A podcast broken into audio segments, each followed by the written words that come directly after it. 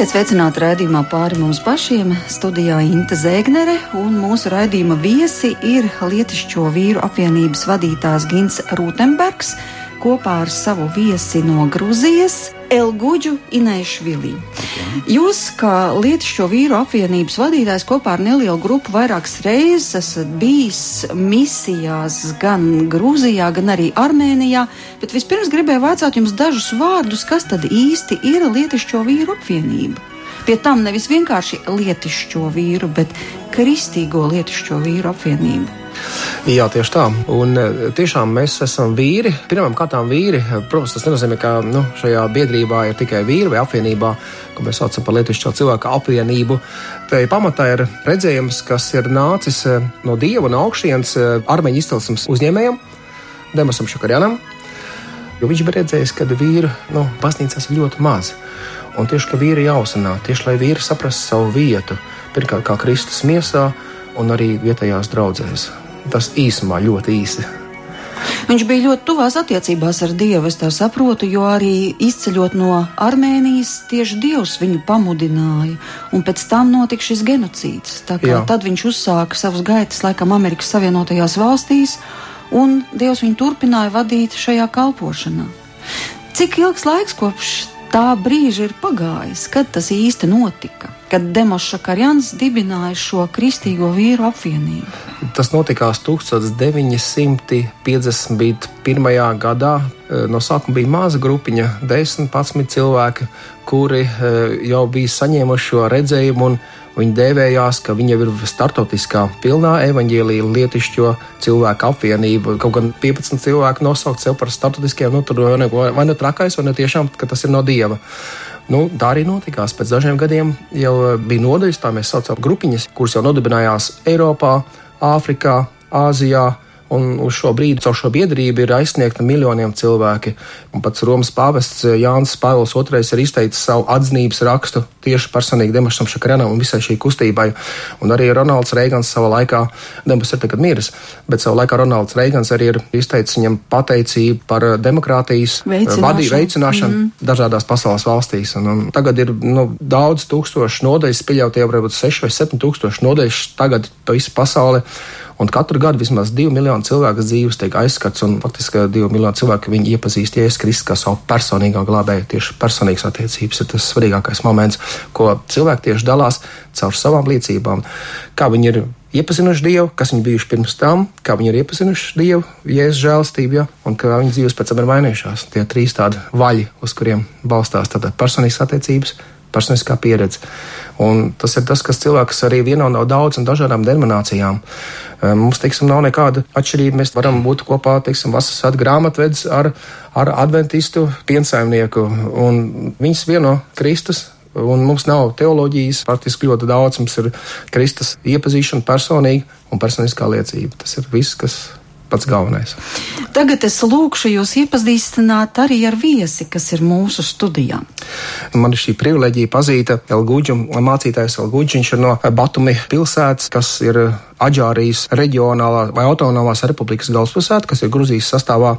Un šajā republikā e, viņi runā grozīniski, bet viņi ir par cik ar savā laikā Turkija iekarojuši teritoriju un turēja viņu savā pakļautībā 300 gadus. Protams, ka visi iedzīvotāji tika islamizēti. Elguģis noteikti pats to sīkāk pastāstīs, un mēs esam bijuši ciemos pie viņiem. Mēs, pat cik mums ir tā specifika mūsu organizācijā, mēs rīkojām bankets protams, ar kaltiem galdiem, un iedomājieties, tā ir Gruzija, tur ir daudz un dažādi viņa nacionālajie ēdieni. Un mēs parasti aicinām cilvēkus, un mēs, tur, protams, tur apmaksājam šīs maltītes, un mēs stāstām savas liecības. Pastors Elguģi bija no pirmajiem, kurš satvēra šo redzējumu, kurš daudzā ziņā palīdzēja, un tagad viņš ir šeit. Viņš ir mūsu viesis tagad, un eh, es ticu, ka viņam ir kaut kas īpašs šajā vakarā, ar ko padalīties. Как Гинц упомянул, я из Грузии и, э, собственно, из региона Аджария. Аджария – это регион, который граничит с Turcijai. Kā jau Gins sacīs, esmu no Aģārijas, un tā ir teritorija, kas robežojas ar Turciju, un 300 gadus to bija okupējuši osmāņu turki, ieviešot šeit islāmu. Nu, Istorija гласит, что мечом было насаждено ислам в Аджарии. Vēsture liecina, ka islāms Aģārijā tika ieviests ar zobenu un liela daļa gruzīnu Aģārijā tika nogalināta, bet citi aizbēga. э, которые не приняли ислам. Остальные убежали. И я тоже родился в этом регионе, и, соответственно, я тоже родился Un es arī esmu dzimis šajā reģionā, šajā ģimenē, kur bieži varēja dzirdēt musulmaņu lūgšanas, kaut arī mana ģimene nebija īpaši ticīga. Tomēr visu laiku bija jūtama arī sadzīvē islama ietekme. И когда мне было 18 лет, Иисус реально пришел в мою жизнь. Вот это самая красота христианства. Bet, kad man bija 18 gadi, Jēzus reāli ienāca manā dzīvē, un laikam tas arī ir kristietības skaistums, ka nevis kristietība, bet pats Jēzus ienāca manā dzīvē. Kristietība mēdz būt dažāda un dažkārt pavisam ne tāda kā Jēzus, diemžēl. Bet Kristus ir unikāls, un unikalitāte ir tajā, ka viņš ir labais gans un atnāk pie katra un atnāca arī pie manis. Мне о Христе мое сердце трепетало. Cilvēki man pasludināja evaņģēliju, un mana sirds aizdegās. Я как советский человек, я был в замешательстве, потому Un, что... protams, моё- es kā padomju cilvēks arī biju apmūsis, jo mana galva bija pilna ar ateismu. И мое сердце понимало, что э, Иисус со мной говорит, но в моем разуме была война. Ну, не может быть. Mana это sirds же saprata, сказка, ka Jēzus ar mani runā, bet manā prātā bija karš. Tas nevar būt, tā ir pasaka, tas taču cilvēku izdomājums. И я помню, когда молодой парень, я понимал, что он есть. И я склонил колени и сказал, Es biju «Иисус, jauns ты puisis, es sapratu, ka viņš ir. наполовину верю тебе. Un sacīju tā, es pa pusē tev ticu, pa pusē manī ir apmulsums, Но сердце мое трепещет. bet mana Я sirds понимаю, что deg. Un ja tu man ты есть, pierādīsi, я- ka tu я esi, сказал, я es visu mūžu tev sekošu. за тобой всю мою жизнь. И никто мне этого не говорил, но я как бы сделал обет ему. Вот если ты Neviens мне man to докажешь, nebija что ты sacījis, есть, я bet es сегодня devu же viņam это šādu сойду. solījumu. Lūk, es no šodienas atmetīšu smēķēšanu, bet tu pierādi, ka tu И Я esi. исполнил свою часть, можно сказать, и начались много чудес в моей жизни. Nu, raskažīti, какие. Ой, Un pastāstiet, э, kāda tad главным brīnuma образом notika это jūsu было dzīvē? мои вопросы к Богу. Есть, я, я начал, когда я встретился, как бы я помолился и сказал, Иисус, мой, я люблю тебя, в принципе. Но, Принципе. В принципе, да. и Es вот viņam сердце sacīju, мое Jēzu, полно principā es любви. tevi mīlu, bet galvā man ir daudz dažādu jautājumu. Jau sacīju, ateisti daudzi ir bijuši, un es sāku strīdēties pats ar sevi. Vai Dievs ir, vai viņa nav, un pats labākais veids, kā to saprast, es nolēmu, es viņu pārbaudīšu. Спорить сам с собой, есть он или нет он. И самый лучший способ было, чтобы испытать, он живой или нет. Правда он есть или нет. Ir Я viņš начал dzīvs vai nav? подбирать э, самые сложные проблемы в моей жизни. Un es sāku piemeklēt visas sarežģītākās problēmas savā dzīvē, lai viņu pārbaudītu. Я подобрал самый сложный. Я помню, вот, ну смешно сейчас это, наверное, и с неба это смешно видно Protams, было. tagad tas izklausās smieklīgi, un arī debesīs noteikti tas izskatījās smieklīgi. Es atradu vislielāko savas dzīves problēmu, un es teicu, Jēzu, tu esi augšām cēlies, neesi miris, tātad tu vari mani dzirdēt, kā par tevi sacīts, un es gribu pārliecināties, ka tu tiešām mani dzirdi un uz manu šo lūkšanu atbildēsi. И я э, сказал, хорошо, если ты есть, и ты живой, ну ты же воскрес, ты же не мертвый, значит, ты можешь слышать. И про тебя сказано, что ты живой, слышишь молитвы, и еще вернешься с небес, забрать свою церковь, спасти людей. Ir arī да, teikts, от- ka tu atgriezīsies, lai izglābtu savus cilvēkus. Вот эта проблема. Реши, Nu, пожалуйста. tad мне. atrisini šo problēmu. Я Es savā sirdī domāju, ka viņš neatrisinās. И заключу, что, в принципе, я хочу, чтобы он Protams, es gribu, lai viņš būtu живой bet diez vai tā ir. Я думал, что я заключу, что его нету. И вдруг проходит несколько дней, буквально день-полтора. Paiet Я pusotra смотрю, эта diena, проблема un šī решается. problēma Я atrisinās. в шоке. Я начал думать. Es biju как šokā. это? Ну, Es domāju, как kā tas это? ir Это же iespējams. невозможно было. Это был Laikam ответ на sakritība. молитву или совпадение. Vai tomēr У нас atbild в uz Грузии lūkšanu? Такая поговорка есть, что в год один раз даже веник стреляет. Mums Gruzijā ir tāds Я teiciens, ka сказал, ну, vienreiz gadā совпало. pat Ну, slota ну, šauja. совпало, я сказал, совпало, Nu, un совпало. es Ну, pateicu бывает же sev, laikam совпадение. sagadīšanās. Ну, я продолжу жить. Но, но вопрос же и опять остается, есть ли он или нету. Я подбираю другую проблему. Bet joprojām man šis Тоже jautājums большую, nedēva на мой mieru. взгляд, Es да, atradu atkal citu нерешаемую. problēmu un atkal Я nesu сказал, viņam «Хорошо, priekšā. Вот вторая проблема. Rekur Можешь ли ты otra это разрешить? atrisinās. Проходит несколько дней, и эта проблема тоже решается. Да, совпало. Я как бы сам с собой разговариваю. Paiet dažas dienas, un atkal arī šī problēma atrisinās. Un atrisinās arī vēl viena. Я подбираю следующую проблему. И там тоже совпадение, Un в atkal, кавычках совпадение. tā И teikt, следующая pēdiņās проблема. šī И там sakritība, тоже ka problēma tiek решается эта atrisināta. проблема.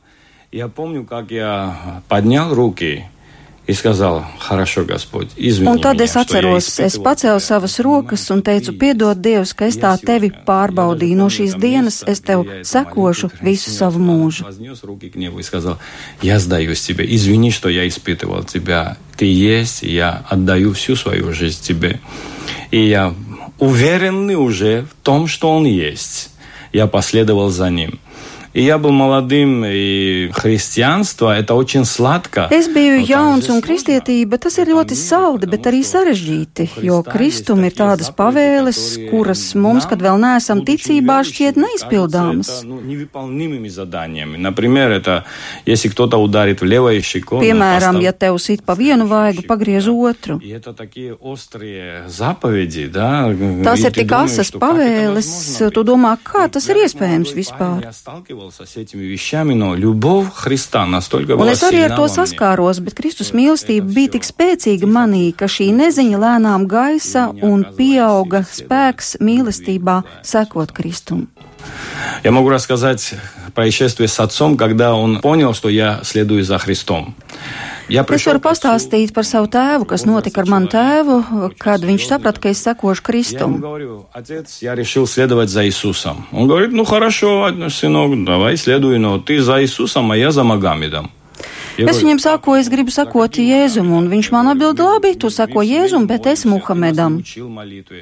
Учил молитве. Он мне Un es сказал, biju «Мои pārsteigts, предки были tāpēc, ka мусульманами mūsu всё ģimenē nebija tādu И я не izteiktu могу, islama а, tradīciju. отречься от этого. Я Bet не viņš могу saka, предать mani истину, senči ir bijuši islamā, un es negribu nodot savu senču Но я ticību. как истинный христианин, э, не унижая никакую веру, я уважаю веру каждого человека. Но когда встает вопрос жизни и смерти, вечного спасения, я знаю, что только Иисус есть путь. Не потому, что кто-то другой плохой. Un es nenoniecinu nevienu reliģiju, bet es zinu, ka Jēzus ir tas, tas, kurš glābīja. Jo Jēzus ir dzīvs joprojām. Es zinu, ka ir Muhameda kaps. Muhameds piedzima 570. gadā un nomira 632. gadā. Es zinu, kā arī ir citu reliģijas aizsācēju kapa vietas. Bet Jēzus ir dzīvs. Viņš dzird. Viņš ir mūs izglābis, un es nolēmu pārliecināt tēvus sekot Kristum, kurš glābj взял цель, чтобы убедить отца последовать за Христом, который спасает. Это не унижает другую религию. Это я говорю о том, что может спасти, что Иисус Спаситель и христиан, и мусульман, и буддистов. Он не просто собственность христиан. Он Un спаситель Jēzus nav мира. tikai kristiešu И он нужен īpašums, всем. viņš ir nācis priekš visiem, lai glābtu visus. Viņš ir pasaules glābējs, un es sāku ar tēvu strīdēties par šo jautājumu. Viņš saka vienu, es otru. И мы сидим с отцом в машине, и мы кричим уже. На, ну, вопрос религии очень тонкий такой. Es очень atceros, ka mēs болезненный, atgriežamies no vasarnīcas, mēs sēžam mašīnā un jau kliedzam viens uz otru. Un no malas tas izskatījās noteikti tā, ka mēs strīdamies, bet mēs apspriedām svarīgu ticības jautājumu. Отец и сын ссорятся о чем-то.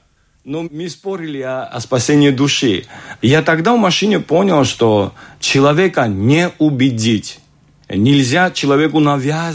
Un tad es mašīnā sapratu, ka cilvēkam neko nevar uzspiest. Можно человеку советовать. Var можно viņam человеку dot просто padomu, сказать. var А если он pateikt. захочет и помолиться, Бог ему ответит. Bet tikai Dievs viņam var atbildēt. Un tad es mašīnā die, Я toreiz больше с tēvam тобой об teicu, этом вопросе не буду es vairāk ar tevi par šo jautājumu Я nerunāšu. молился, Es vienkārši Бог lūkšu ответил par тебе, tevi. Чтоб ты не погиб и не пошел в ад. И я прекратил. Я начал молиться. Где-то буквально месяц еще не прошел. А он такой у меня серьезный такой, да. и Un es sāku зовет lūgties, un pēc kāda mēneša viņš mani sauc, un tā nopietni saka, ir saruna. Понял, что он просто так меня не зовет.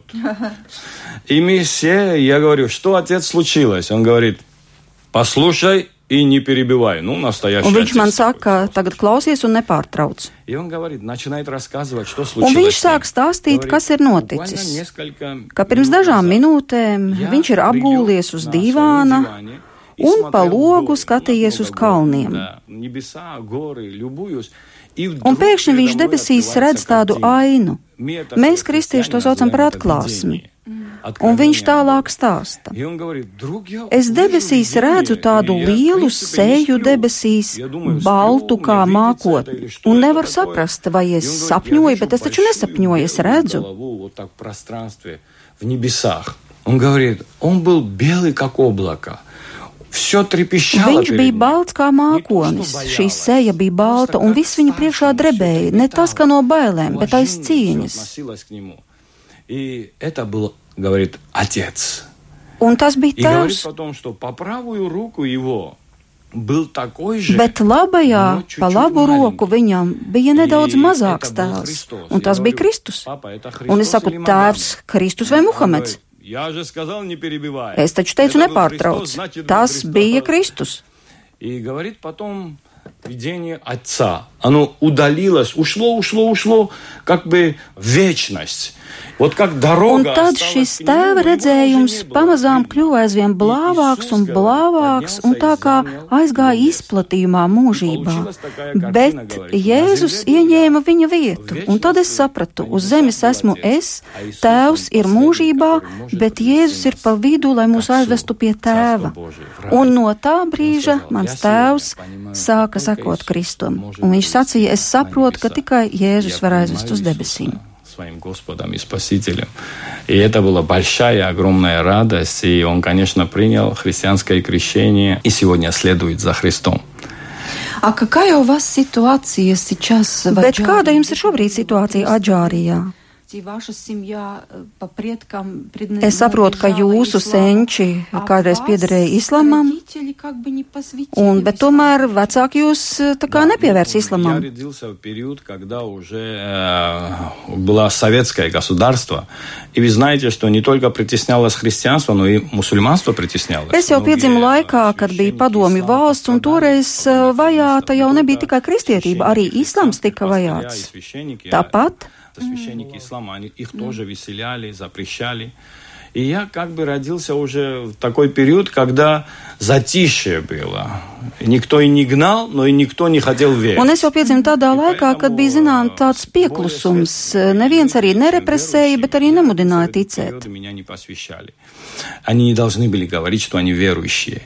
И в их семьях не должно было быть верующих, поэтому тогда это было так. Сейчас Situācija, конечно, меняется. Bet tagad situācija mainās, un cilvēku sirdīs ir šis aicinājums pēc ticības.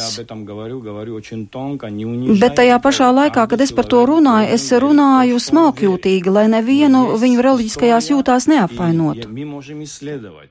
И каждый раз, когда стоит, два, два верования конфликтуют, это ни к чему не приводит хорошему. Katru reizi, kad saskaras divas ticības, divas reliģijas, un kad viņas konfliktē, tas nav nekas labs. Bet tādos gadījumos es saku, nu to taču var vienkārši pārbaudīt, kuram ir taisnība.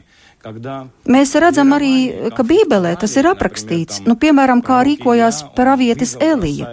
Viņš izaicināja bāla praviešus un sacīja: Mans dievs ir dzīvs dievs, viņš atbild uz lūgšanām, un paskatīsimies, tad kurām dievs atbildēs, vai jums, vai arī man. Un bāla pravieši piesauca savus dievus, bet nekas nenotika, jo mirušie nevar atbildēt. Bet Elija sāka lūgt, un Dievs viņam atbildēja который отвечает. И я много раз слышал у себя. Ja ticība ir dzīva, tas nozīmē, ka arī Dievs ir dzīvs un ka Viņš atbild. Un es esmu daudzkārt dzirdējis un liecības klausījies par to, kā Jēzus atbild arī šodien mūsdienās. Piemēram, pie mums uz draudzi ierodas kāds jauns cilvēks. Neviens viņu nezina. И начинает слушать. В конце собрания, в конце служения он, он приходит и говорит, я пришел, примите меня, я хочу следовать за Христом. И мы спрашиваем, кто ты такой, откуда ты появился? И он говорит, я моряк. Mums bija gadījums draudzē ar šo cilvēku, ka viņš atnāk uz dievkalpojumu, bet pēc tam, pēc dievkalpojuma pienāk pie mums un saka, pieņemiet mani draudzē. Bet kas tu esi? Mēs tevi nepazīstam. Es esmu jūrnieks. Un notika tā, ka man izjuka ģimene, sieva no manis aizgāja, un es vienkārši ļoti cietu mājās, un nekur es nevarēju atrast sev miera, un tad Es reiz aizmigu naktī un redzēju sapni, ka atnāk kāds jauns, baltās drēbēs, Un saka, nebaidies, es esmu ar tevi. Atnāc pie manis, un es tevi nomierināšu. Un es nevarēju saprast, kas tas tāds. Varbūt kāds no mūsu praviešiem, jo viņš bija islamticīgais. Nevarēju atcerēties nevienu pravieti, kas būtu līdzīgs.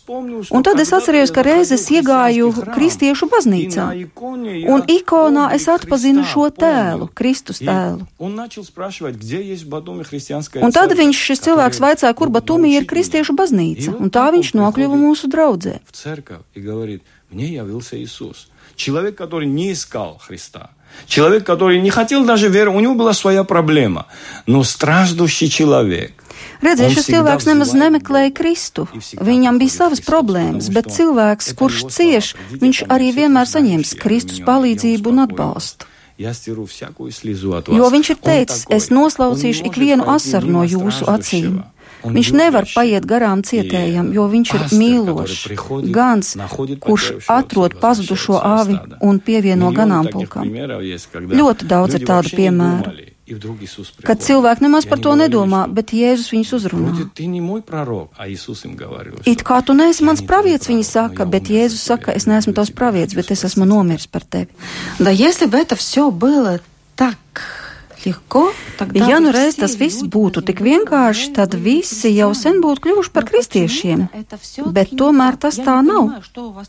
Es nesaprotu, kas jums tur aģārijā notiek. Varbūt jāaizbrauc paskatīties. Bet tas nav tik vienkārši. Dažkārt cilvēki sauc un lūdz.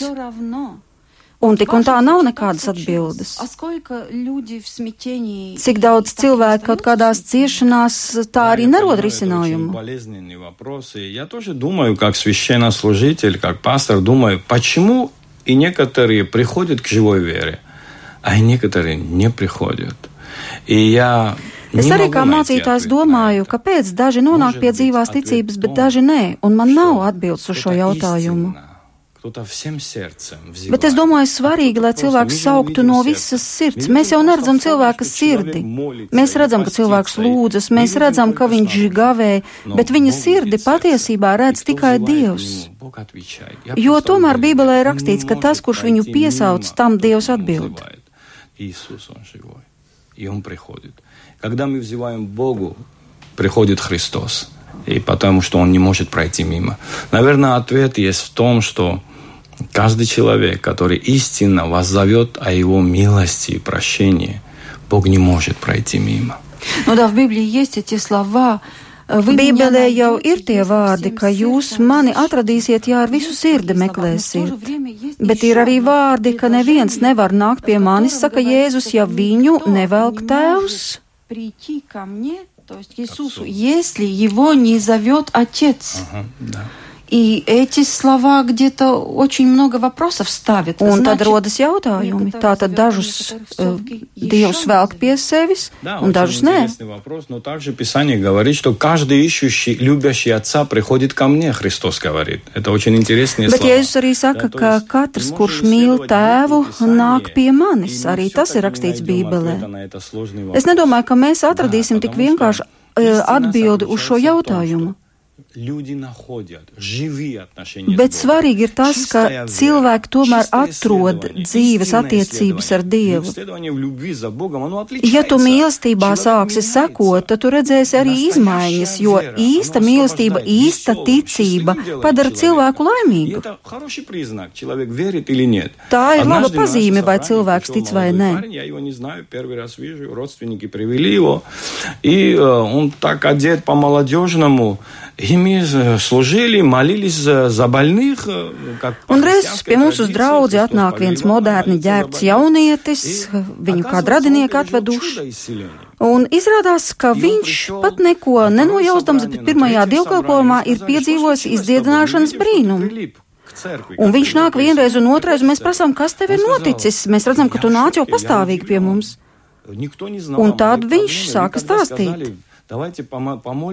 Dievkalpojuma beigās mēs sacījām, aicinājām, palūksimies tagad par dziedināšanu un kuram, kurš kaut kas sāp, lai uzliek roku uz tās vietas.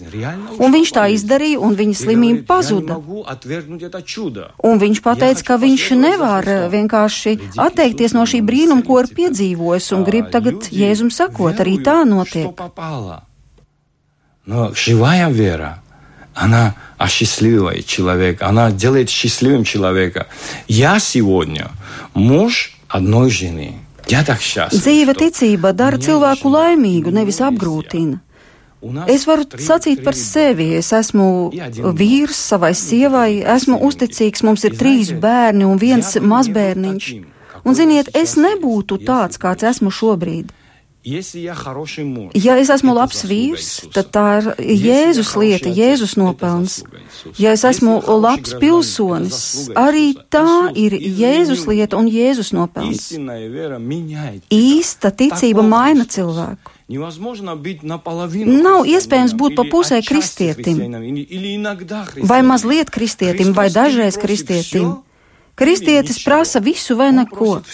Viņš prasa visu mūsu sirdi. Nesen es biju aizbraucis kalnos, lai lūgtos, un tur satiku četrus jauniešus, divas meitenes, divus puišus. Viņi arī bija uzkāpuši kalnos, un mēs aizkurinājām ugunskura. Sākām runāt, protams, sākām runāt par ticību. Viņi teica, ka viņi ir pareizticīgi, es teicu brīnišķīgi, mēs varēsim savstarpēji padalīties ar pieredzi. Daudz mēs runājām, kādas trīs stundas. Pēc tam viņi teica, labi, bet tagad mēs iesim, mums ir jāuzceļ telts. Un mums ir jāiedzer šnabītis. Jūs arī varat pievienoties. Es teicu, nē, paldies, es esmu ticīgs, man to nevajag. Man, es sev sen nelietoju alkoholu. Nu, viņa aizgāja. Uzcēla arī telti blakus mūsu teltī. Viņi uzskatīja sev par kristiešiem. Un tad mēs redzējām, kā viņi sāka dzert. Kārtīgi aprēba. Pēc tam ielīdz savā teltī, un kas vēl tur viss notika, un man bija tik sāpīgi par viņiem.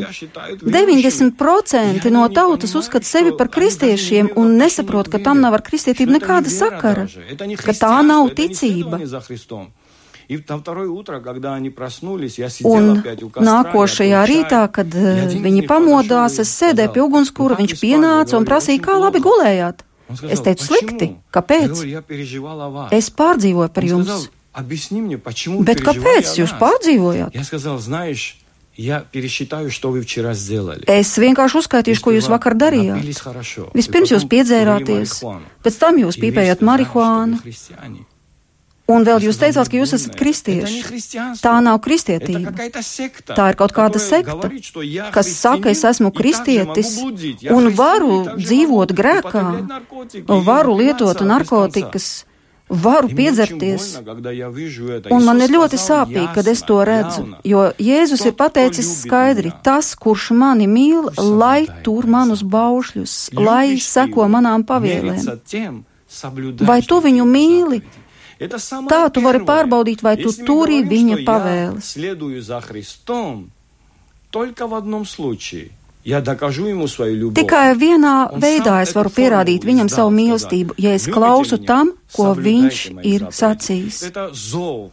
Tas ir aicinājums.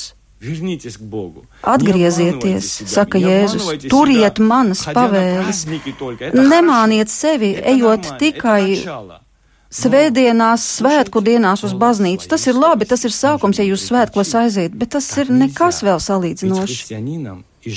Nav iespējams būt kristietim un nedzīvot kristīgu dzīvi. Я помню, когда в 17 лет было мне, когда моя соседка взяла ответственность, она была из другой части Грузии, они христиане были, а мы не христиане, как бы, типа мусульмане. Es atceros, ka tad, kad man bija 17, viena kaimiņiena aizgāja pie maniem vecākiem, viņi bija no citas puses Gruzijā kristieši un prasīja vecākiem, ka viņi grib, lai es tiktu kristīts. Un es arī pats to gribēju. Un mani aizved uz Batumi, uz pareizticīgo baznīcu, uzvilka Kristu, krustu kaklā, bet neviens man nebija pateicis tajā brīdī, kā man dzīvot tālāk. Neviens nebija paskaidrojis par evaņģēliju tajā brīdī. Bet es biju jau pārliecināts, ka tagad esmu īsts kristietis. Я был, и э, мой друг пришел ко мне и сказал, слушай, давай сделаем то, что все делают. Тогда была война в Грузии. Un es atceros, ka jau būdams students un jau kristietis, tad pie manis atnāca kāds draugs un teica, izdarīsim to, ko dara visi. Toreiz Gruzijā bija pilsoņu karš un bija bagātie jaunieši, kur staigāja ādas kutkās, bet tad bija tāda jauniešu daļa, kas viņus kaut kur sagaidīja tumšākā vietā un šo kurtku novilka un pēc tam pārdeva. Света не было, гражданская война идет, неразбериха в стране. И этот друг мне предложил, говорит, давай мы тоже кого-то разденем. Деньги что, повредят, что ли? Ja un tas draugs man sacīja, izdarīsim arī mēs tā, nauda taču vajadzīga. Un es sacīju, jā. Un tajā brīdī es pat neapzinājos, ko tas īsti nozīmē, jo tā darīja daudzi. Mēs jau nolēmām, kuru dienu tas būs. Mēs arī nolūkojām, kura meitene tā būs, kurai mēs atņemsim to jaku. Вот когда мы решили, пока мы сделаем это, в промежутке я выхожу из метро и смотрю, что стоит книга, продает человек.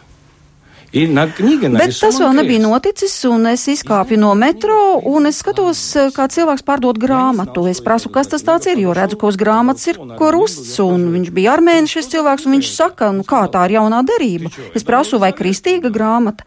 Nu, protams, ka kristīga. Говорит, да, это заповедь Иисуса. Говорю, сколько стоит? Он сказал, 40 рублей, тогда рубли были.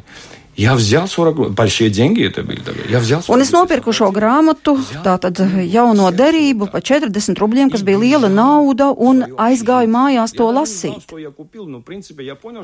Es sapratu, ka tā ir kristīga grāmata, un tā kā sirds mani vilka pie tās grāmatas. Un tā kā man krusts kaklā un tur uz tās grāmatas krusts, tad es atvēru to un sāku lasīt. Un šī grāmata sāka mani mainīt. Es atceros, es izlasīju vietu, kur rakstīts: nedari otram to, ko negribi, lai tev dara. Это слово ударило меня. Я вдруг представил эту девочку. Хочу ли я, чтобы mою сестру раздели? Krimināli. Un tad šis vārds man ļoti spēcīgi trāpīja. Es sāku domāt, bet vai es gribu, lai manai māsai kāds atņemtu jaku? Šī bībele sāka ar mani runāt. Tātad es tiku mainīts, lasot Bībeli. Un tad atnāca mans draugs un teica, ejam. Es teicu, nē, paskaties, kas šeit ir rakstīts. Mēs taču esam kristieši. Nu, ko tu arī vispār klausies visam, kas grāmatās rakstīts? Es teicu, es neiešu. Es sāku lasīt jauno derību. Un tā sāk mainīt manu dzīvi šī grāmata. Un tas ir tas, ko saka Jēzus. Ja jūs mani mīlat, turiet manas pavēles. Un mums nevajag sevi mānīt. Es negribu, lai arī kāds justos nomākts, tāpēc, ka viņam jāpilda pavēles. Ja jūs nevarat ar kaut ko tikt galā, tad nevajag slēpties no Jēzus, bet vajag viņam to pateikt. Kad es sapratu, ka Jēzus ir un es devu viņam savu dzīvi, arī man bija problēmas, ar kurām es netiku galā. Es toreiz teicu Jēzum godīgi, es sekošu tev. Bet ir dažas lietas, kuras man ir grūti ievērot. Nu, kā es, piemēram, varu pagriezt otru vaigu, ja man sit pa vienu? Un kā man rīkoties visapkārt, taču ir tik daudz skaistu meiteņu? Lūdzu, es sekošu tev, bet atstāj man dažas lietas, lai es varu uzpīpēt marihuānu kādreiz, un lai es varu tomēr draudzēties tādā intīmā veidā ar meitenēm.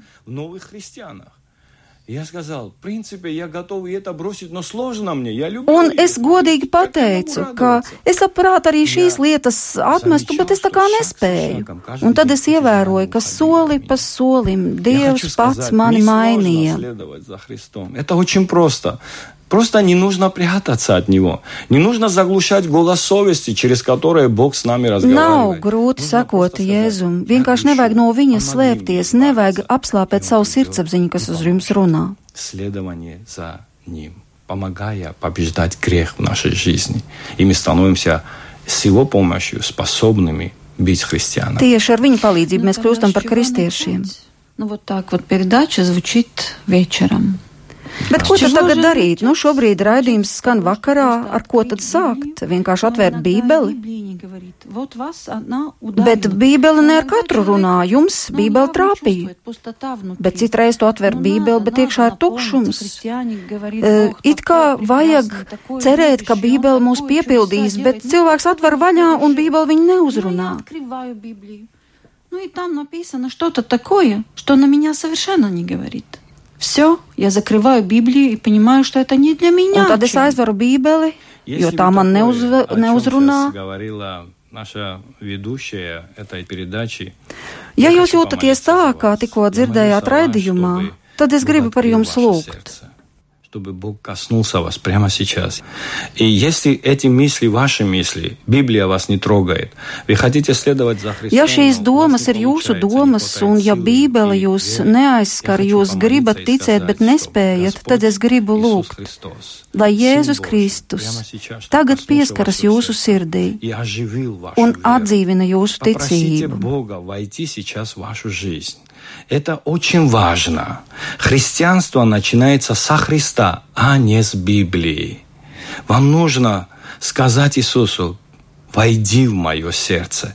Это очень важно. Tas ir Христос svarīgi рядом pateikt с тобой, Jēzum, или ienāc Христос manā внутри sirdī. тебя. Ir atšķirība, vai Jēzus ir tev Библия blakus, ясно говорит, vai viņš ir что tevī. в книге Откровения 3 главе Atklāsmes Иисус grāmatā говорит, ir «Стою rakstīts: у сердца Es stāvu и jūsu стучу, durvju priekšā и кто un откроет, klauvēju, войду». un kas Вот man те, atver pie tā, которые es nākšu. услышали этот зов, un tie, kas sadzirdēja šo aicinājumu, atvēra savu sirdi, uzaicināja Jēzu savā dzīvē, pateica Jēzu, es jūtu, ka šobrīd mans sirds sitas, it kā tu klauvētu pie manas sirds durvīm.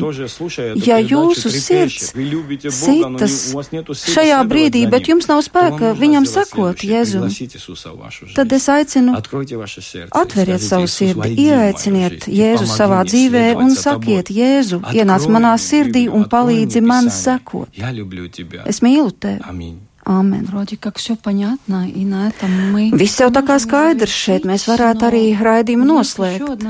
Bet tomēr ir vēl kāda lieta, tas, ko jūs sakāt un ko bieži nākas dzirdēt, atveriet savu sirdi. Un tad arī bieži vien nav skaidrs, bet ko tas īsti nozīmē atvērt sirdi? Vai tas ir kaut kāds fizisks vingrinājums? Es nevaru viņu atvērt. Viņš nevarās vaļā šis sirds rokturis. Un pie tam mums tas ir jāizdara. Un tad Jēzus ienāks. Vieglāk būtu pateikt, lai Jēzus atver mūsu sirdi. Man nav nekas pret, bet es pats nevaru. У дверей сердца есть одна особенность. У него ручка, рукоятка только с, с внутренней стороны. Viņi понимают, что Sirds ручка на нашей durvīm стороне, ir но хорошо её tikai rokturis mūsu pusē. Это очень просто. Bet es pateikšu, kā Когда atvērt. появился хороший парень или хорошая девочка в вашей жизни, он не мог бы ворваться в вашу жизнь. Es došu kādu līdzību. Kad jūs sastopat kādu simpātisku puisi vai meiteni un jūsos pamostās mīlestība, jūs jau automātiski esat atvēruši savas sirds durvis. Tātad patiesībā Это jūs просто zinat, сказать, kā «Люблю tas тебя, notiek. будь моим». Tad, kad jūs kādam sakāt, es mīlu tevi, es gribu būt ar tevi kopā, jūs esat atvēruši savas sirds durvis. Un tieši tāpat ir ar Jēzu. Jūs gribat attiecības ar viņu, jūs gribat viņu iemīlēt. Tā arī ir šo durvju atvēršana. Открыть сердце – это просто сказать «люблю тебя». Atvērt Jēzus sirdi, tas nozīmē viņam pateikt, es mīlu tevi un gribu tev sakot. Bet ir arī tāds jautājums, ja nu es nezinu, ka viņš man ir nepieciešams. Но я хочу сказать, я здесь потому сегодня, я свидетель, я человек, который был и остаюсь очень рациональным. Я человек, Bet arī uz to es varu atbildēt. Es esmu ļoti racionāls cilvēks. Не поверю, Un es vienmēr esmu dzīvojis pēc principā neticēšu, ja pats nepiedzīvošu. Un ja es šodien saku par to un sludinu, kuru neesmu redzējis savām miesīgajām acīm, bet esmu tomēr piedzīvojis, tas nozīmē, ka viņš tiešām ir. Un arī jūs tāpat varat viņu piedzīvot. Dievs ir, un viņš ir jūsu pusē. Jēzus jūsu dēļ nomira. Это как тяжелый мешок с камнями. Un viņš grib atbrīvot jūs no jūsu nastām. Bieži vien ir tā, ka jūs jūtaties nomākts, nospiests, un dažkārt nav, nav skaidrs, kāpēc un no kā, bet patiesībā tie ir grēki, kas nav nožēloti, izsūdzēti. Un to visu ir iespējams atdot Jēzum un nožēlot. Un nožēlot nozīmē nomest šo maisu. Un tad, kad cilvēks to izdara, tad bieži vien arī slimības pazūd un arī depresija pazūd. Счастливее люди в мире становятся. Да. Это как раз книга Дебаса Шакаряна pašlaimīgāka cilvēka uz pasaules. Tādu mēs varam izkļūt, ja mēs puskājam ar ļubov savā sirds. Izskan raidījums pāri mums pašiem, kurā viesojās Lietišķo vīru apvienības vadītājs Gins Rūtenbergs un mācītājs no Aģārijas Elguģa Inaišvilī. Kopā ar jums šajā vakarā bija Inte Zēgnere, bet par skanējumu rūpējas Rita Karnača.